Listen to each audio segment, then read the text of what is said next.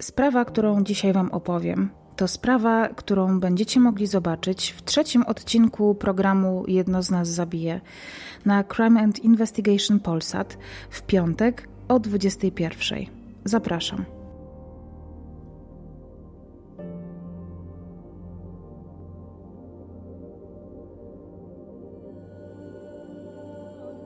Historia, którą dzisiaj Wam opowiem, to historia, która jest mi szczególnie bliska.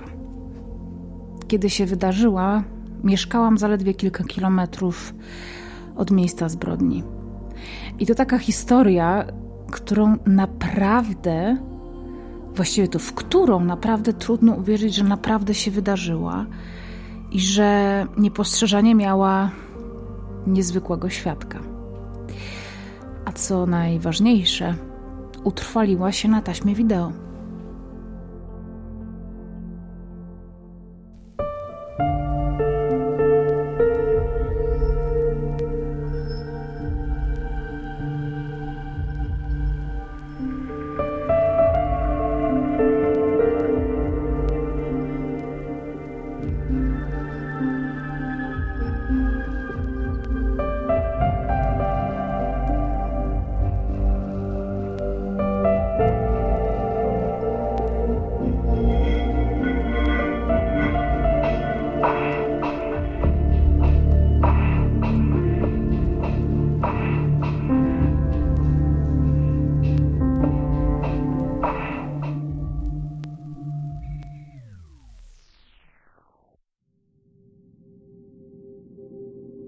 Jest rok 2011, początek tego roku.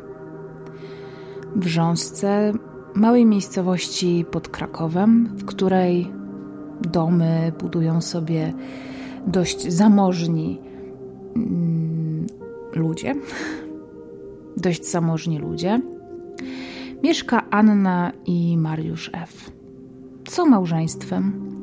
Mają dwóch dorastających synów Mariusz pracuje w firmie budowlanej, jest tam inżynierem, a jego żona pracuje w innej firmie, również związanej z branżą budowlaną, gdzie jest prokurentką.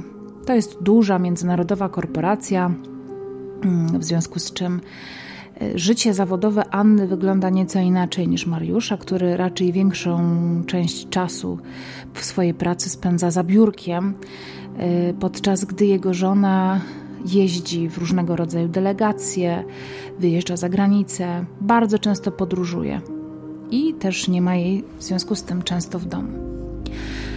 Oni byli małżeństwem, właściwie to są małżeństwem na ten moment, w którym jesteśmy w ich życiu, bardzo zgodnym. Szanują się, kochają, są zgodni bliscy i sąsiedzi czy znajomi uważają ich wręcz za parę idealną. Ale w życiu tych czterdziestolatków, bo już przekroczyli e, oboje czterdziestkę, e, zaczyna być nieco owiany nudą. Być może to też taki czas, w którym zarówno Anna, jak i Mariusz przeżywają coś, co możemy nazwać kryzysem wieku średniego podczas gdy ich synowie stają się coraz bardziej samodzielni, bo już są nastolatkami. W ich życiu, jako rodziców, jako pary, która jest, y, jest parą z dziećmi, e, następuje jakaś e, pustka, której nie są w stanie tak po prostu zapełnić. Pierwsza osoba, która e, w tym związku zaczyna czuć się kiepsko, to Mariusz ponieważ e, z tego, co mówią jego znajomi czy jakieś zaufane mu osoby, zaczyna mu brakować w związku seksu, takiego, jaki łączył, czy jaki uprawiał z Anną wcześniej. Namiętny, gorący, częstszy. W związku z czym z takimi potrzebami niezaspokojonymi Mariusz zaczyna szukać w jakiś sposób y, atrakcji w swoim życiu. Dlatego też nawiązuje taki e, flirt ze swoją koleżanką z pracy, który nie przeradza się w fizyczne spotkania czy w jakieś no, tet a tet, które kończy się w łóżku. Mm, ale ten flirt jest takim flirtem w przerwie w pracy, na kawie, gdzieś tam online ale to go jakoś nie satysfakcjonuje. No, zna granice. Mariusz je stawia, nie chce ryzykować rozpadu związku z Anną, w związku z czym razem ze swoją żoną postanawiają w jakiś sposób swoje życie e, erotyczne i seksualne e, wzbogacić. Na początku próbują się obwiniać o to, kto jest winny tej sytuacji wypalenia. Y, ale po jakimś czasie dochodzą do wniosku, że taką metodą niczego nie wskurają. To znaczy, oboje muszą pracować, oboje są zmęczeni często y, po pracy i nie mają na nic siły, więc y, oboje zgodzili się na to, że będą próbować nowych rzeczy w sypialni.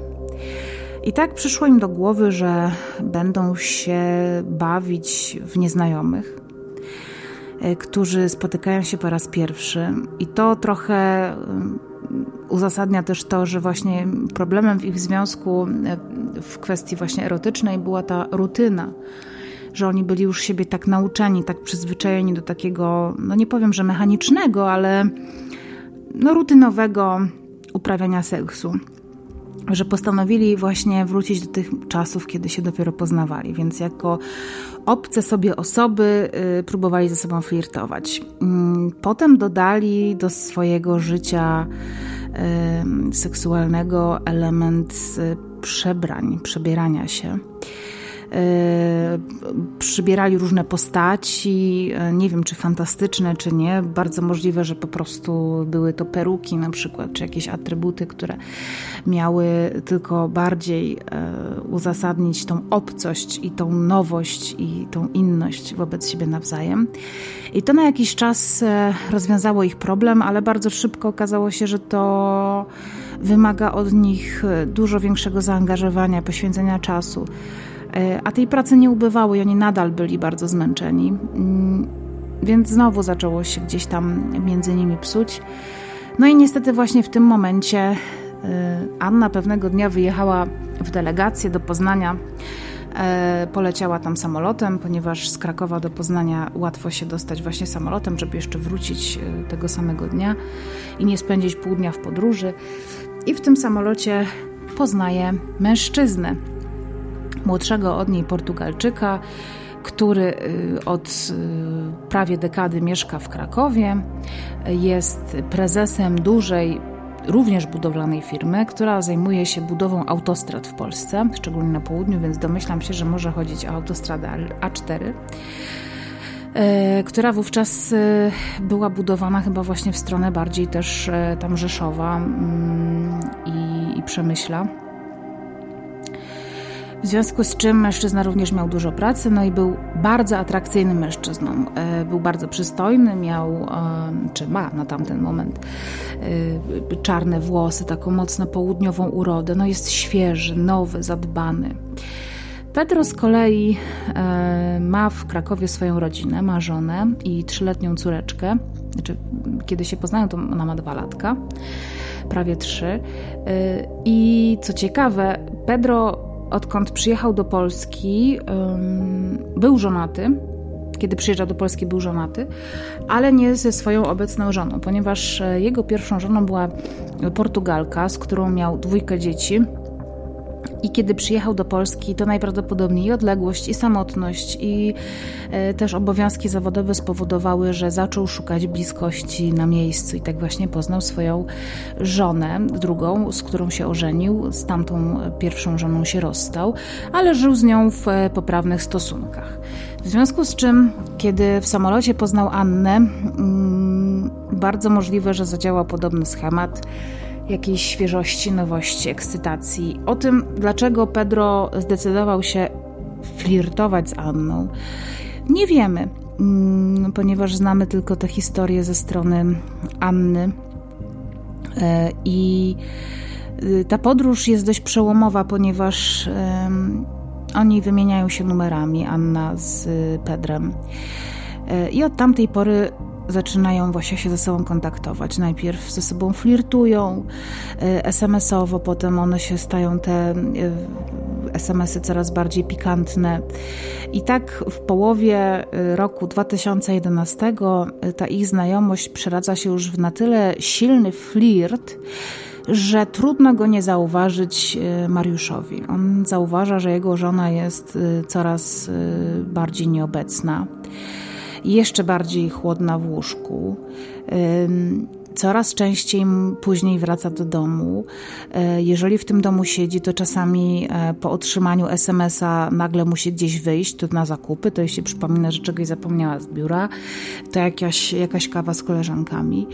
E, no i niestety te problemy w małżeństwie, a do tego dziwne zachowanie Anny plus jej oziębłość sprawiają, że Mariusz zaczyna podejrzewać, że jego żona ma romans. Mariusz próbuje dowiedzieć się od swojej żony, dlaczego się inaczej zachowuje. Dlaczego jest taka odległa, dlaczego tak często wychodzi z domu. Dlaczego, mimo tego, że była nieobecna poprzez pracę, to jest teraz jeszcze bardziej nieobecna w domu, jeszcze mniej ma czasu dla rodziny, dla dzieci. E, I kiedy e, tak naciska na Annę, żeby powiedziała mu, co jest przyczyną, mm, po kilku dniach Anna oznajmia mu, mm, że chce rozwodu. I to jest taka informacja, która na Mariusza spada jak grom z jasnego nieba. E, nie potrafi się pogodzić i zrozumieć tego, dlaczego żona mm, e, chce rozwodu, skoro jeszcze kilka miesięcy wcześniej e, tyle włożyli energii i starań, żeby to małżeństwo polepszyć, uratować. Mm, I wtedy w głowie Mariusza pojawia się taka myśl, że on musi się dowiedzieć, dlaczego Anna go odrzuca. W związku z czym w połowie 2011 roku mm, postanawia to zweryfikować i sprawdzić. Więc dopuszcza się do takiego, moim zdaniem, bardzo dużego naruszenia, e, właściwie to pogwałcenia wolności Anny, ponieważ instaluje w jej telefonie program szpiegujący, który pokazuje jej korespondencję, zachowuje ją. Możemy ją usunąć z telefonu, a ona i tak zostanie zarejestrowana i zapisana w, tej, w tym programie szpiegującym przez co Mariusz ma wgląd w to, z kim kobieta pisze. Ale żeby nie było podejrzeń, że właściwie każda wiadomość przecież y, jest potencjalnym, e, nie wiem, kochankiem, czy każda osoba, która wysyła do niej wiadomość jest potencjalnym kochankiem, to Mariusz sporządza taką listę osób, y, o których wie, które zna, które są w życiu Anny takimi osobami, z którymi ona ma kontakt, jakieś relacje. E, no i szykuje się na to, że jeżeli pojawi się jakaś osoba spoza tego grona, to to właśnie będzie potencjalny kochanek. E, ale samo zainstalowanie tej aplikacji mm, nie wystarcza Mariuszowi, dlatego w swoim domu wspólnym, w którym mieszka wciąż z Anną ze swoimi synami, instaluje kamery żeby monitorować zachowanie swojej żony i jej aktywność w ciągu dnia w domu. Podejrzewam, że mógł zainstalować te kamery po to, żeby wykluczyć możliwość, że na przykład ona przyprowadza tam swojego kochanka do domu. Y, I tych kamer było aż 16, więc wyobrażam sobie, że ten dom, jak duży by nie był, musiał tymi kamerami być najeżony. Mm, więc domyślam się, że musiała być jakaś kamera, nie wiem, gdzieś na zewnątrz budynku, musiała być jakaś w salonie, pewnie w sypialni, możliwe, że w toalecie. No, zastanawiam się, w jakich pomieszczeniach jeszcze można zainstalować kamery, żeby mm, mieć taki ogląd na sprawę. E, I o ile w kamery nic mu nie i o ile te kamery nie przynoszą mu żadnych e, nowych informacji, nie dostarczają żadnych e, rewelacji czy dowodów na to, że żona jest niewierna, tak Mariusz zauważa pewną prawidłowość, że e, jego żona zaczyna, czy, że jest jakiś numer, z którym Anna się dość często kontaktuje i to wcale nie w godzinach swojej pracy. Jest to numer spoza tej listy, którą on sporządził. I w taki sposób dociera do numeru Pedra, Portugalczyka, z którym Anna już od kilku miesięcy ma prawdziwy, dojrzewający romans. Mówiąc prawdziwy, dojrzewający romans, mówię tutaj o tym, że y, w, w tamtym czasie co najmniej pięć razy Anna i Pedro wyjeżdżali gdzieś za miasto. Oboje meldowali się w hotelu, w tym samym hotelu, w tym samym czasie. No i dochodziło między nimi do normalnych zbliżeń. To były wypady weekendowe, które pokrywały się datami z y, rzekomymi delegacjami Anny. No i tutaj Mariusz był absolutnie pewny, że jego żona ma romans. Y, ale nie skonfrontował tego wcale z Anną. Postanowił rozwiązać tę sprawę inaczej postanowił porozmawiać z rywalem, ponieważ wiedział, że to, znaczy tak to potraktował jako taką męską sprawę, tutaj robię też trochę cudzysłów w powietrzu, e, że on musi jakby pozbyć się, czy wyeliminować z tego pojedynku y, przeciwnika, żeby sam został na polu walki, w związku z czym jego partnerka zostanie przy nim. Dlatego też e, skontaktował się z Pedrem, bo już znał przecież jego numer dzięki tej aplikacji, która tam śledziła żonę, i poprosił Pedra o spotkanie. Ten na początku niechętnie chciał się spotkać e, i uczestniczyć w takiej konfrontacji, no ale zgodził się. I tak 27 lutego 2012 roku mężczyźni ustalili, że się spotkają tego samego dnia. E, I wybrali takie miejsce w ogóle, dziwne miejsce na spotkanie, że tak powiem. Znaczy, ja tak uważam ponieważ było to miejsce y, nieopodal pracy Pedra, y, ponieważ podejrzewam, że mógł postawić właśnie taki warunek, że on nie ma zbyt wiele czasu. Y, jemu też w ogóle spotkaniu nie zależało, tylko Mariuszowi. I umówili się, że spotkają się na parkingu przy McDonaldzie i stacji BP przy rondzie Matecznego w Krakowie. Tam są biurowce, więc Pedro miał stosunkowo blisko do tego miejsca, ze swojej pracy, wyrwał się tam na przerwę. E, mężczyźni przyjechali na tę stację, czy na parking między McDonaldem a tą stacją e, samochodami. Mariusz przyjechał swoim e, Audi, chyba kombi, znaczy jak, jakieś tam Audi, jakiś tam samochód kombi, moim zdaniem to było Audi, ale nie jestem pewna. Natomiast Pedro przyjechał tam swoim wielkim czarnym suwem, więc już nawet tak samczo sobie myślę o tym, że, że to taki, może też była jakaś taka manifestacja sił. Zaparkowali obok siebie. Mm, w pewnym momencie Pedro wysiadł ze swojego samochodu, podszedł do samochodu Mariusza, e, zaproponował mu, żeby usiedli w jego samochodzie, w sensie w samochodzie Pedra, w związku z czym Mariusz wysiadł ze swojego samochodu, wsiadł do samochodu Pedra na siedzenie pasażera z przodu. No i po dwóch czy trzech minutach z tego samochodu wysiadł e, Mariusz, e, podszedł do bagażnika swojego samochodu. Z tego samochodu wyciągnął coś z bagażnika, znowu wszedł do samochodu Pedra, ale już tym razem e, nie od strony pasażera, tylko od strony kierowcy. I kiedy otworzył drzwi tego samochodu, przez otwarte właśnie drzwi, wydobyła się, wydobyły się kłęby dymu. I wiemy o tym dlatego, że widział to wszystko pracownik McDrive'a, który akurat miał wtedy dyżur, e, widział, miał wtedy zmianę i widział właśnie tę sytuację i pomyślał sobie, że mężczyzna po prostu zapruszył sobie ogień w samochodzie, w związku z czym musiał wyjść, tam coś, e, jakoś zgasić ten ogień na tapicerce, która jest oczywiście tworzywem sztucznym w bardzo wielu przypadkach. No i po chwili odjechał z tego parkingu tylko ten samochód, ten duży SUV ale za kierownicą tego suwa siedział już tylko Mariusz F. Jak się później dowiemy, albo nie będę Wam teraz zdradzać, czego się później dowiemy.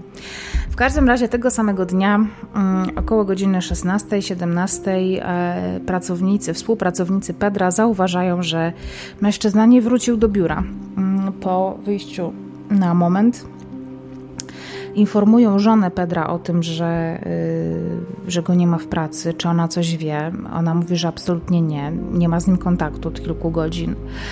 E, I tak zaniepokojeni wszyscy e, pracownicy dzwonią do prawnika, czy do takiego pełnomocnika Pedra, do kancelarii, która opiekowała się tą całą firmą, w której Pedro, której Pedro był prezesem. A ta kancelaria to kancelaria mm, byłego ministra sprawiedliwości Ćwiąkalskiego. W związku z tym pan Ćwiąkalski od razu zostaje o tym poinformowany, no i jest w kontakcie z żoną Pedra i prosi ją, czy sugeruje jej, że powinna zgłosić zaginięcie mężczyzny, ponieważ jest to bardzo dziwne, a z uwagi na to, że mężczyzna jest e, wysoko postawionym e, no, człowiekiem dość wpływowym, bardzo zamożnym, bardzo, bardzo zamożnym e, i też uwikłanym, w jakie, czy uwikłanym, no, zaangażowanym w dość e, intratne kontrakty budowlane, no mógł się stać na przykład celem porywaczy, więc im wcześniej zaczną działać, tym lepiej. Więc żona Pedra zawiadamia policję mm, i ta wprowadza oczywiście, akurat traktuje od razu to zaginięcie jako sytuację zagrażającą życiu Pedra ze względu na jego e, status społeczny i materialny. E, no i kiedy do tego e, zgłoszenia zaginięcia dochodzi, wieczorem czy w nocy mm, z 27 na 28 lutego zostaje zawiadomiona Straż Pożarna, że na obrzeżach Krakowa, w Mydlnikach, na e, ogródkach działkowych płonie altana. E, I kiedy Straż Miejska, przepraszam, i kiedy Straż Pożarna przyjeżdża na miejsce, okazuje się, że płonie nie altana, ale e, samochód. I po ugaszeniu tego pożaru okazuje się, że w tym samochodzie są e, zwłoki jakiegoś człowieka. E, ta informacja szybko przedostaje się do mediów, że znaleziono właśnie taki płonący samochód e, z człowiekiem w środku. No, no więc to od razu gdzieś dociera do rodziny Pedra która niestety y, z opisu tego samochodu, którego marki nawet nie dało się ustalić, ponieważ samochód był y, no, doszczętnie spalony. Mm, no ale nie było ani Pedra, ani jego samochodu, w związku z czym można tylko było określić płeć E, osoby, która była w tym aucie oraz mniej więcej typ tego samochodu, więc określono, że to jest mężczyzna i że jest to samochód typu SUV. W związku z czym rodzina Pedra miała dość spore podejrzenia, że to może być e, ich bliski.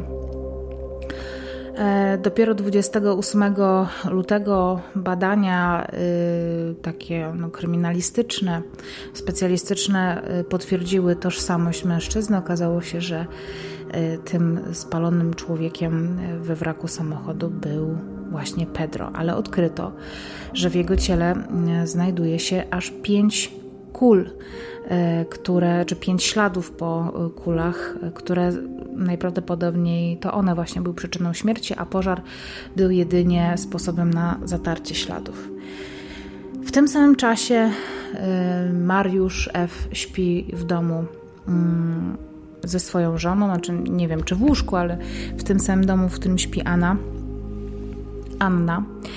Y, I jego losy są właściwie przesądzone, ponieważ y, Anna jest zdruzgotana ponieważ e, parę godzin wcześniej, kiedy jej mąż Mariusz wrócił do domu, był roztrzęsiony. E, wrócił bardzo późno, ponieważ e, pracę kończył tam o którejś godzinie i wrócił dużo, dużo, dużo później.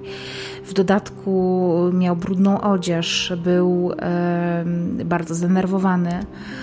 I kiedy wszedł do ich wspólnego domu, powiedział swojej żonie, że mm, wyeliminował konkurenta kiedy e, Anna o tym usłyszała, to pomyślała, że po prostu mężczyźni się rozmówili i tak była wściekła, ponieważ ona chciała ten romans z Pedrem kontynuować, więc poczuła się e, w jakiś sposób, nie wiem, pewnie kontrolowana mm, albo pozbawiona właśnie decyzji, decyzyjności właściwie w swoim, w swoim własnym życiu i w swojej własnej sprawie. E, ale kiedy zobaczyła, że Mariusz jest w tragicznym stanie, to, to pomyślała e, o tym, że mogło się jednak stać coś e, dużo, dużo bardziej poważnego. I wówczas Mariusz powiedział jej, że mm, zabił Pedra. Że wywiózł jego ciało jego samochodem właśnie na skraj Krakowa, tam go zostawił. Nie powiedział chyba o tym, że podpalił ten samochód a podpalił go w ten sposób, że go oblał wcześniej przygotowaną benzyną, czy którą zdobył po prostu i w kanistrze ją przewiózł ze sobą.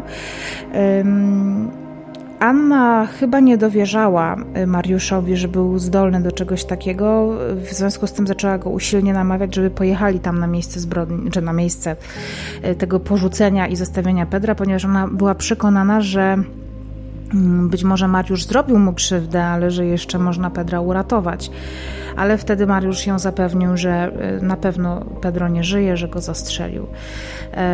Kobieta nie wiedziała absolutnie, co ma zrobić. Była załamana, była roztrzęsiona, zdruzgotana. Y, martwiła się właściwie o wszystko i o Pedra, i o y, Mariusza, o przyszłość swojej rodziny, o samą siebie. No przecież moralna odpowiedzialność za tę tragedię też na niej spoczywała. Mm, I kiedy została sama, nie wiem, czy Mariusz poszedł się kąpać, czy na chwilę wyszedł z domu, czy, czy poszedł spać, zadzwoniła do swojego ojca i powiedziała mu o wszystkim. I to właśnie ojciec Anny kiedy tylko usłyszał o tej tragedii, o tej całej sytuacji, zawiadomił policję, która kiedy mm, przyszła aresztować Mariusza, a było to y, chyba 28 lutego, jeszcze wieczorem, czyli bardzo szybko, niewiele ponad 24 godziny po popełnieniu tego zabójstwa. Y, I kiedy przyszła aresztować Mariusza, to on już był na to przygotowany i pogodzony z tą sytuacją. Mm. Straszna jest to historia. Mm.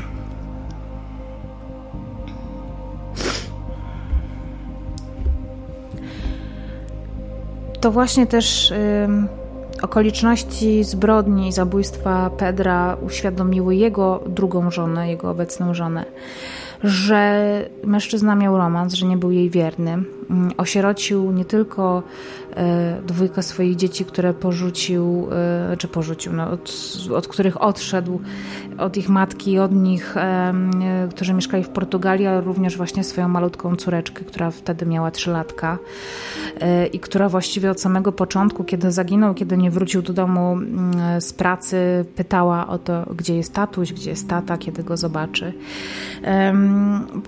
Druga rzecz, e, druga rodzina, która została e, no, bardzo skrzywdzona, to rodzina oczywiście państwa F, czyli Anny i Mariusza, dwaj dorastający synowie, którzy nagle z dnia na dzień stracili ojca, e, wokół których zaczęły kręcić się media, bo to była bardzo, bardzo, bardzo głośna sprawa w Krakowie w tamtym czasie. Ja to mówię z autopsji. Mm, wszyscy chcieli zobaczyć, jak wygląda kobieta, dla której życie stracił jeden mężczyzna, a drugi resztę pewnie tego życia spędził w więzieniu. Więc wszyscy się zaczęli interesować Anną. E, bardzo szybko ruszył proces, mm, w którym na ławie oskarżonych usiadł Mariusz. E, on opowiedział o całej historii zdrady o tym, że próbowali naprawić to małżeństwo razem z Anną. E, I opisał też całe to spotkanie z Pedrem, dlaczego doszło do tej zbrodni. Mm, I mężczyźni faktycznie umówili się tego feralnego 27 lutego o 13.30 na tej stacji benzynowej, czy na tym parkingu McDonalda. E, I Pedro zaproponował właśnie, żeby Mariusz wsiadł do jego samochodu. Możliwe, że wynikało to z wygody, Aczkolwiek podobno Pedro na tym spotkaniu zachowywał się bardzo nonszalancko mm, i to, co zaskoczyło Mariusza całkowicie, to to, że Pedro w ogóle się nie przejął tym spotkaniem, w ogóle się nie przejął tym, że Mariusz odkrył ten romans i co więcej, absolutnie nie miał zamiaru kończyć tego romansu. Podobno powiedział e, Mariuszowi wówczas parę przykrych zdań, które najprawdopodobniej dotyczyły jego męskości, e, jego wartości jako mąż, jako kochanek, jako partner. Mm, I to na tyle Mariusza zraniło czy rozsierdziło, że sięgnął po broń ponieważ, e, tak jak wcześniej powiedziałam, w ciele Pedra znaleziono pięć e, śladów po kulach, czy tam pięć łusek. Nie wiem teraz absolutnie, czy ta broń zostawia łuski, ponieważ była to replika kolta, takiej broni dość zabytkowej, e, którą właśnie Mariusz miał w domu no jako taki artefakt, ponieważ zbierał jakieś takie różne rzeczy związane właśnie z z bronią nie tylko palną, ale też właśnie miał różne miecze, szable, takie mieszkanie w stylu ja to nazywam takim myśliwskim, wiecie o co chodzi, że są jakieś tam poroża, obrazy, trofea i tak dalej. Mm, I miał właśnie replikę Colta. Y, jest to broń czarnoprochowa, czyli bardzo dawna broń, którą się y, obsługuje w bardzo specyficzny sposób. Mm, Mariusz strzelił do Pedra pięciokrotnie mm, i to nie jest tak jak rewolwer czy pistolet, gdzie właściwie w pistolecie nie trzeba przeładowywać broni, tylko strzelasz dopóki magazynek się nie skończy.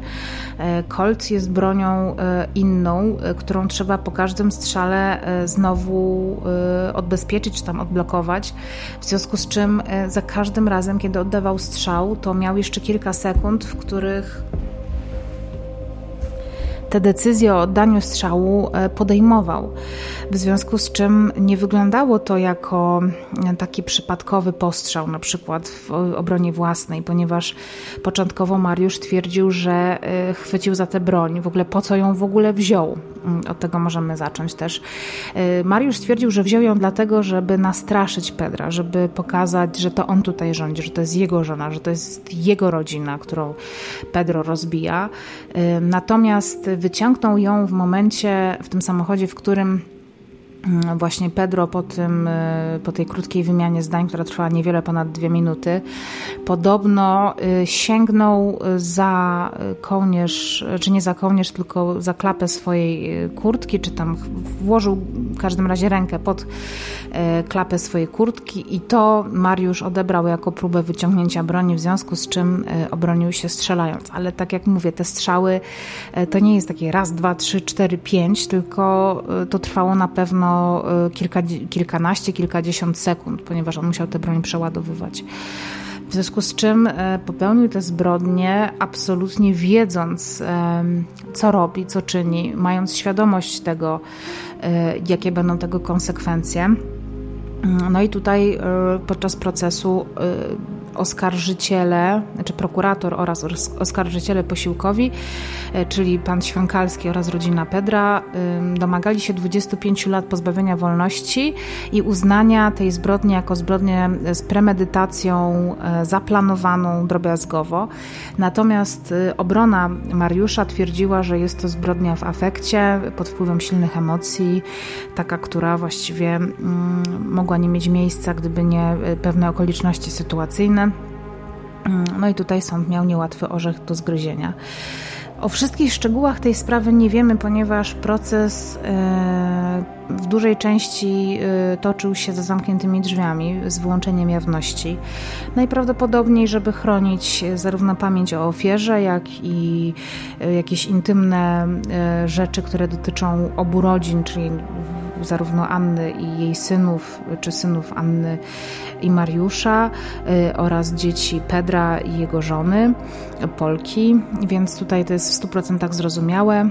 W każdym razie zapadł wyrok, który niektórych zszokował, a niektórych y, uspokoił, ponieważ Mariusz F. został skazany na 15 lat pozbawienia wolności. Został uznany winnym tej zbrodni. Mm, ale nie uznany został za e, takiego zimnego zabójcę, za y, mordercę, który e, z premedytacją zabijał i z zimną krwią chwytał za broń.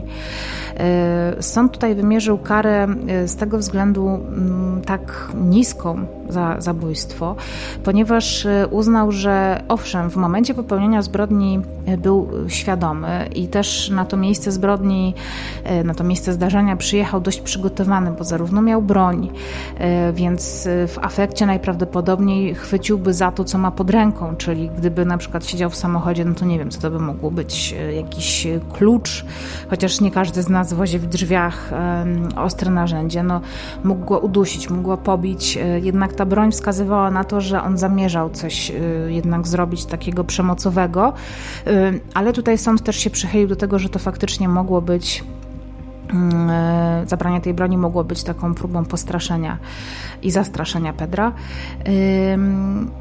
Afekt wyglądałby trochę inaczej, taki, taki, autom, taki natychmiastowy, ponieważ właśnie takie zbrodnie zazwyczaj nazywają się nie bez kozery zbrodniami, zbrodniami kuchen, zbrodniami kuchennymi, e, ponieważ właśnie dochodzi e, do takich zbrodni w domach, kiedy ludzie e, czują się swobodnie, zaczynają rozmawiać, dochodzi do jakiejś awantury i wtedy jedna z osób chwyta za to, co ma pod ręką i zazwyczaj to są nożyczki, nóż, młotek, coś, co może zabić. Nie? Patelnia na przykład. Też słyszałam o takim zabójstwie gdzie żona zabiła męża, uderzając go bardzo mocno patelnią w głowie, bo to było coś, co miała pod ręką.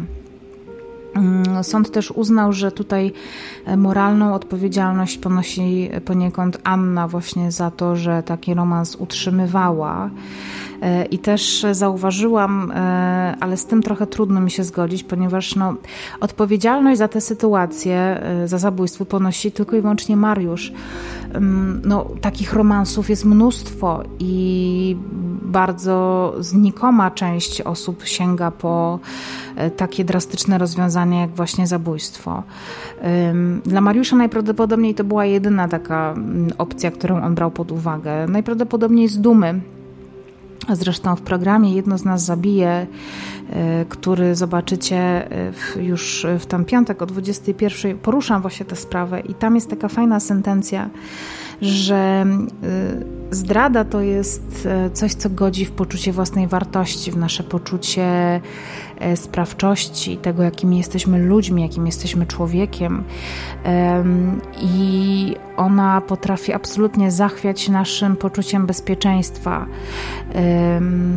naszą no, naszym właśnie systemem wartości i to czasami może być tak duży wstrząs, którego reperkusje właśnie potem mogą się objawić w postaci e, zbrodni, którą, której się dokonuje. E, ja właśnie w ostatnich kilku odcinkach opowiadałam Wam o takiej, takiej definicji zbrodni z miłości, ale kilka dni temu rozmawiałam z Marią Rodkiel, z, z psycholożką, która specjalizuje się w terapii park i ona powiedziała, że ona nie wierzy w coś takiego jak zbrodnia z miłości, ponieważ dla niej każda przemoc wyklucza miłość, znaczy miłość wyklucza przemoc że y, zabójstwo jest absolutnym zaprzeczeniem y, pojęcia miłości. Natomiast jest tak, że faktycznie siła miłości, siła nienawiści y, to są dwie najbardziej sprawcze siły. Tylko miłość jest budująca, a nienawiść jest destrukcyjna. Dlatego one tak sobie przeciwdziałają i są też z drugiej strony tak blisko siebie. Sąd w każdym razie uznał, że Mariusz y, został do tej zbrodni popchnięty przez okoliczności, ale oczywiście mógł jej zapobiec. E, I wybrał y, bardzo, oczywiście niedojrzałe, okropne, mm, najgorsze z możliwych wyjść z sytuacji. Nie do końca podoba mi się to, że media te sprawy relacjonowały w taki sposób, że właściwie współczucie okazywały nie tylko Pedrowi i jej, jego rodzinie, nie tylko dzieciom Mariusza i Anny oraz Pedra, ale też samemu Mariuszowi, e, absolutnie nie biorąc pod uwagę tego, że ta tragedia dotyczyła także Anny. Tak jakby Anna została tutaj uznana za główną moralną odpowiedzialność odpowiedzialną osobę za, za tę tragedię. E, ja jestem ciekawa, jak wy do tego podejdziecie. E, ja trochę mam taki stosunek do tego, że, że najłatwiej jest zawsze obwinić kobietę, że, że to kobiecie się mm, nie przydarzają takie sytuacje, że nie powinny, że to świadczy najgorzej o kobiecie, kiedy e, nie spełnia tej takiej społecznej roli opiekunki ogniska domowego. Ja oczywiście Anny, broń Boże, nie usprawiedliwiam i uważam, że generalnie takie pokrywanie na dwa fronty jest okropne i okrutne i faktycznie jest tu moralna odpowiedzialność ale jakby nie patrzeć, e, też należy jej się współczucie, bo to nie ona jest winna zabójstwa drugiej osoby, bo no, któż mógłby przewidzieć to, że, mm, że Mariusz się tak zachowa. E, też należy pamiętać, że Anna myślę, że była poniekąd ofiarą Mariusza, e, ponieważ jakby nie patrzeć na tę sytuację pod kątem winy Anny, to, która jest też niezaprzeczalna, mówię tutaj o romansie, ale nikt z nas nie zasługuje na tak duże pogwałcenie własnej prywatności, y, jakie zaserwował Annie Mariusz. E, przypominam, że w mieszkaniu, w ich wspólnym domu zainstalował 16 kamer i szpiegował jej telefon, także kobieta nie miała absolutnie grama prywatności. Jedyne miejsce, gdzie ona e, była, chociaż nie, bo nawet te kamery były gdzieś tam w jej samochodzie, w jej torebce, czy jakiś tam podsłuch był, ona była non-stop monitorowana przez całe dnie przez swojego męża. Y, od którego już chciała odejść, więc y, też takie niepogodzenie się z tym, że mm, pewien etap w życiu Mariusza się skończył y, i że dobiega końca i że należy to odpuścić. No, tutaj zagrało bardzo wiele czynników. Chyba decydującym też był ten moment spotkania z Pedrem, gdzie on po prostu zignorował absolutnie Mariusza i jego emocje i, i uznał, że to jest niewiele warte. Jestem bardzo ciekawa Waszej opinii, ale także jestem ciekawa y, opinii waszego, Waszej opinii na temat y, odcinka, który właśnie będziecie mogli obejrzeć już w piątek o 21 na Crime and Investigation Polsat właśnie o tej sprawie. Jedno z nas zabije.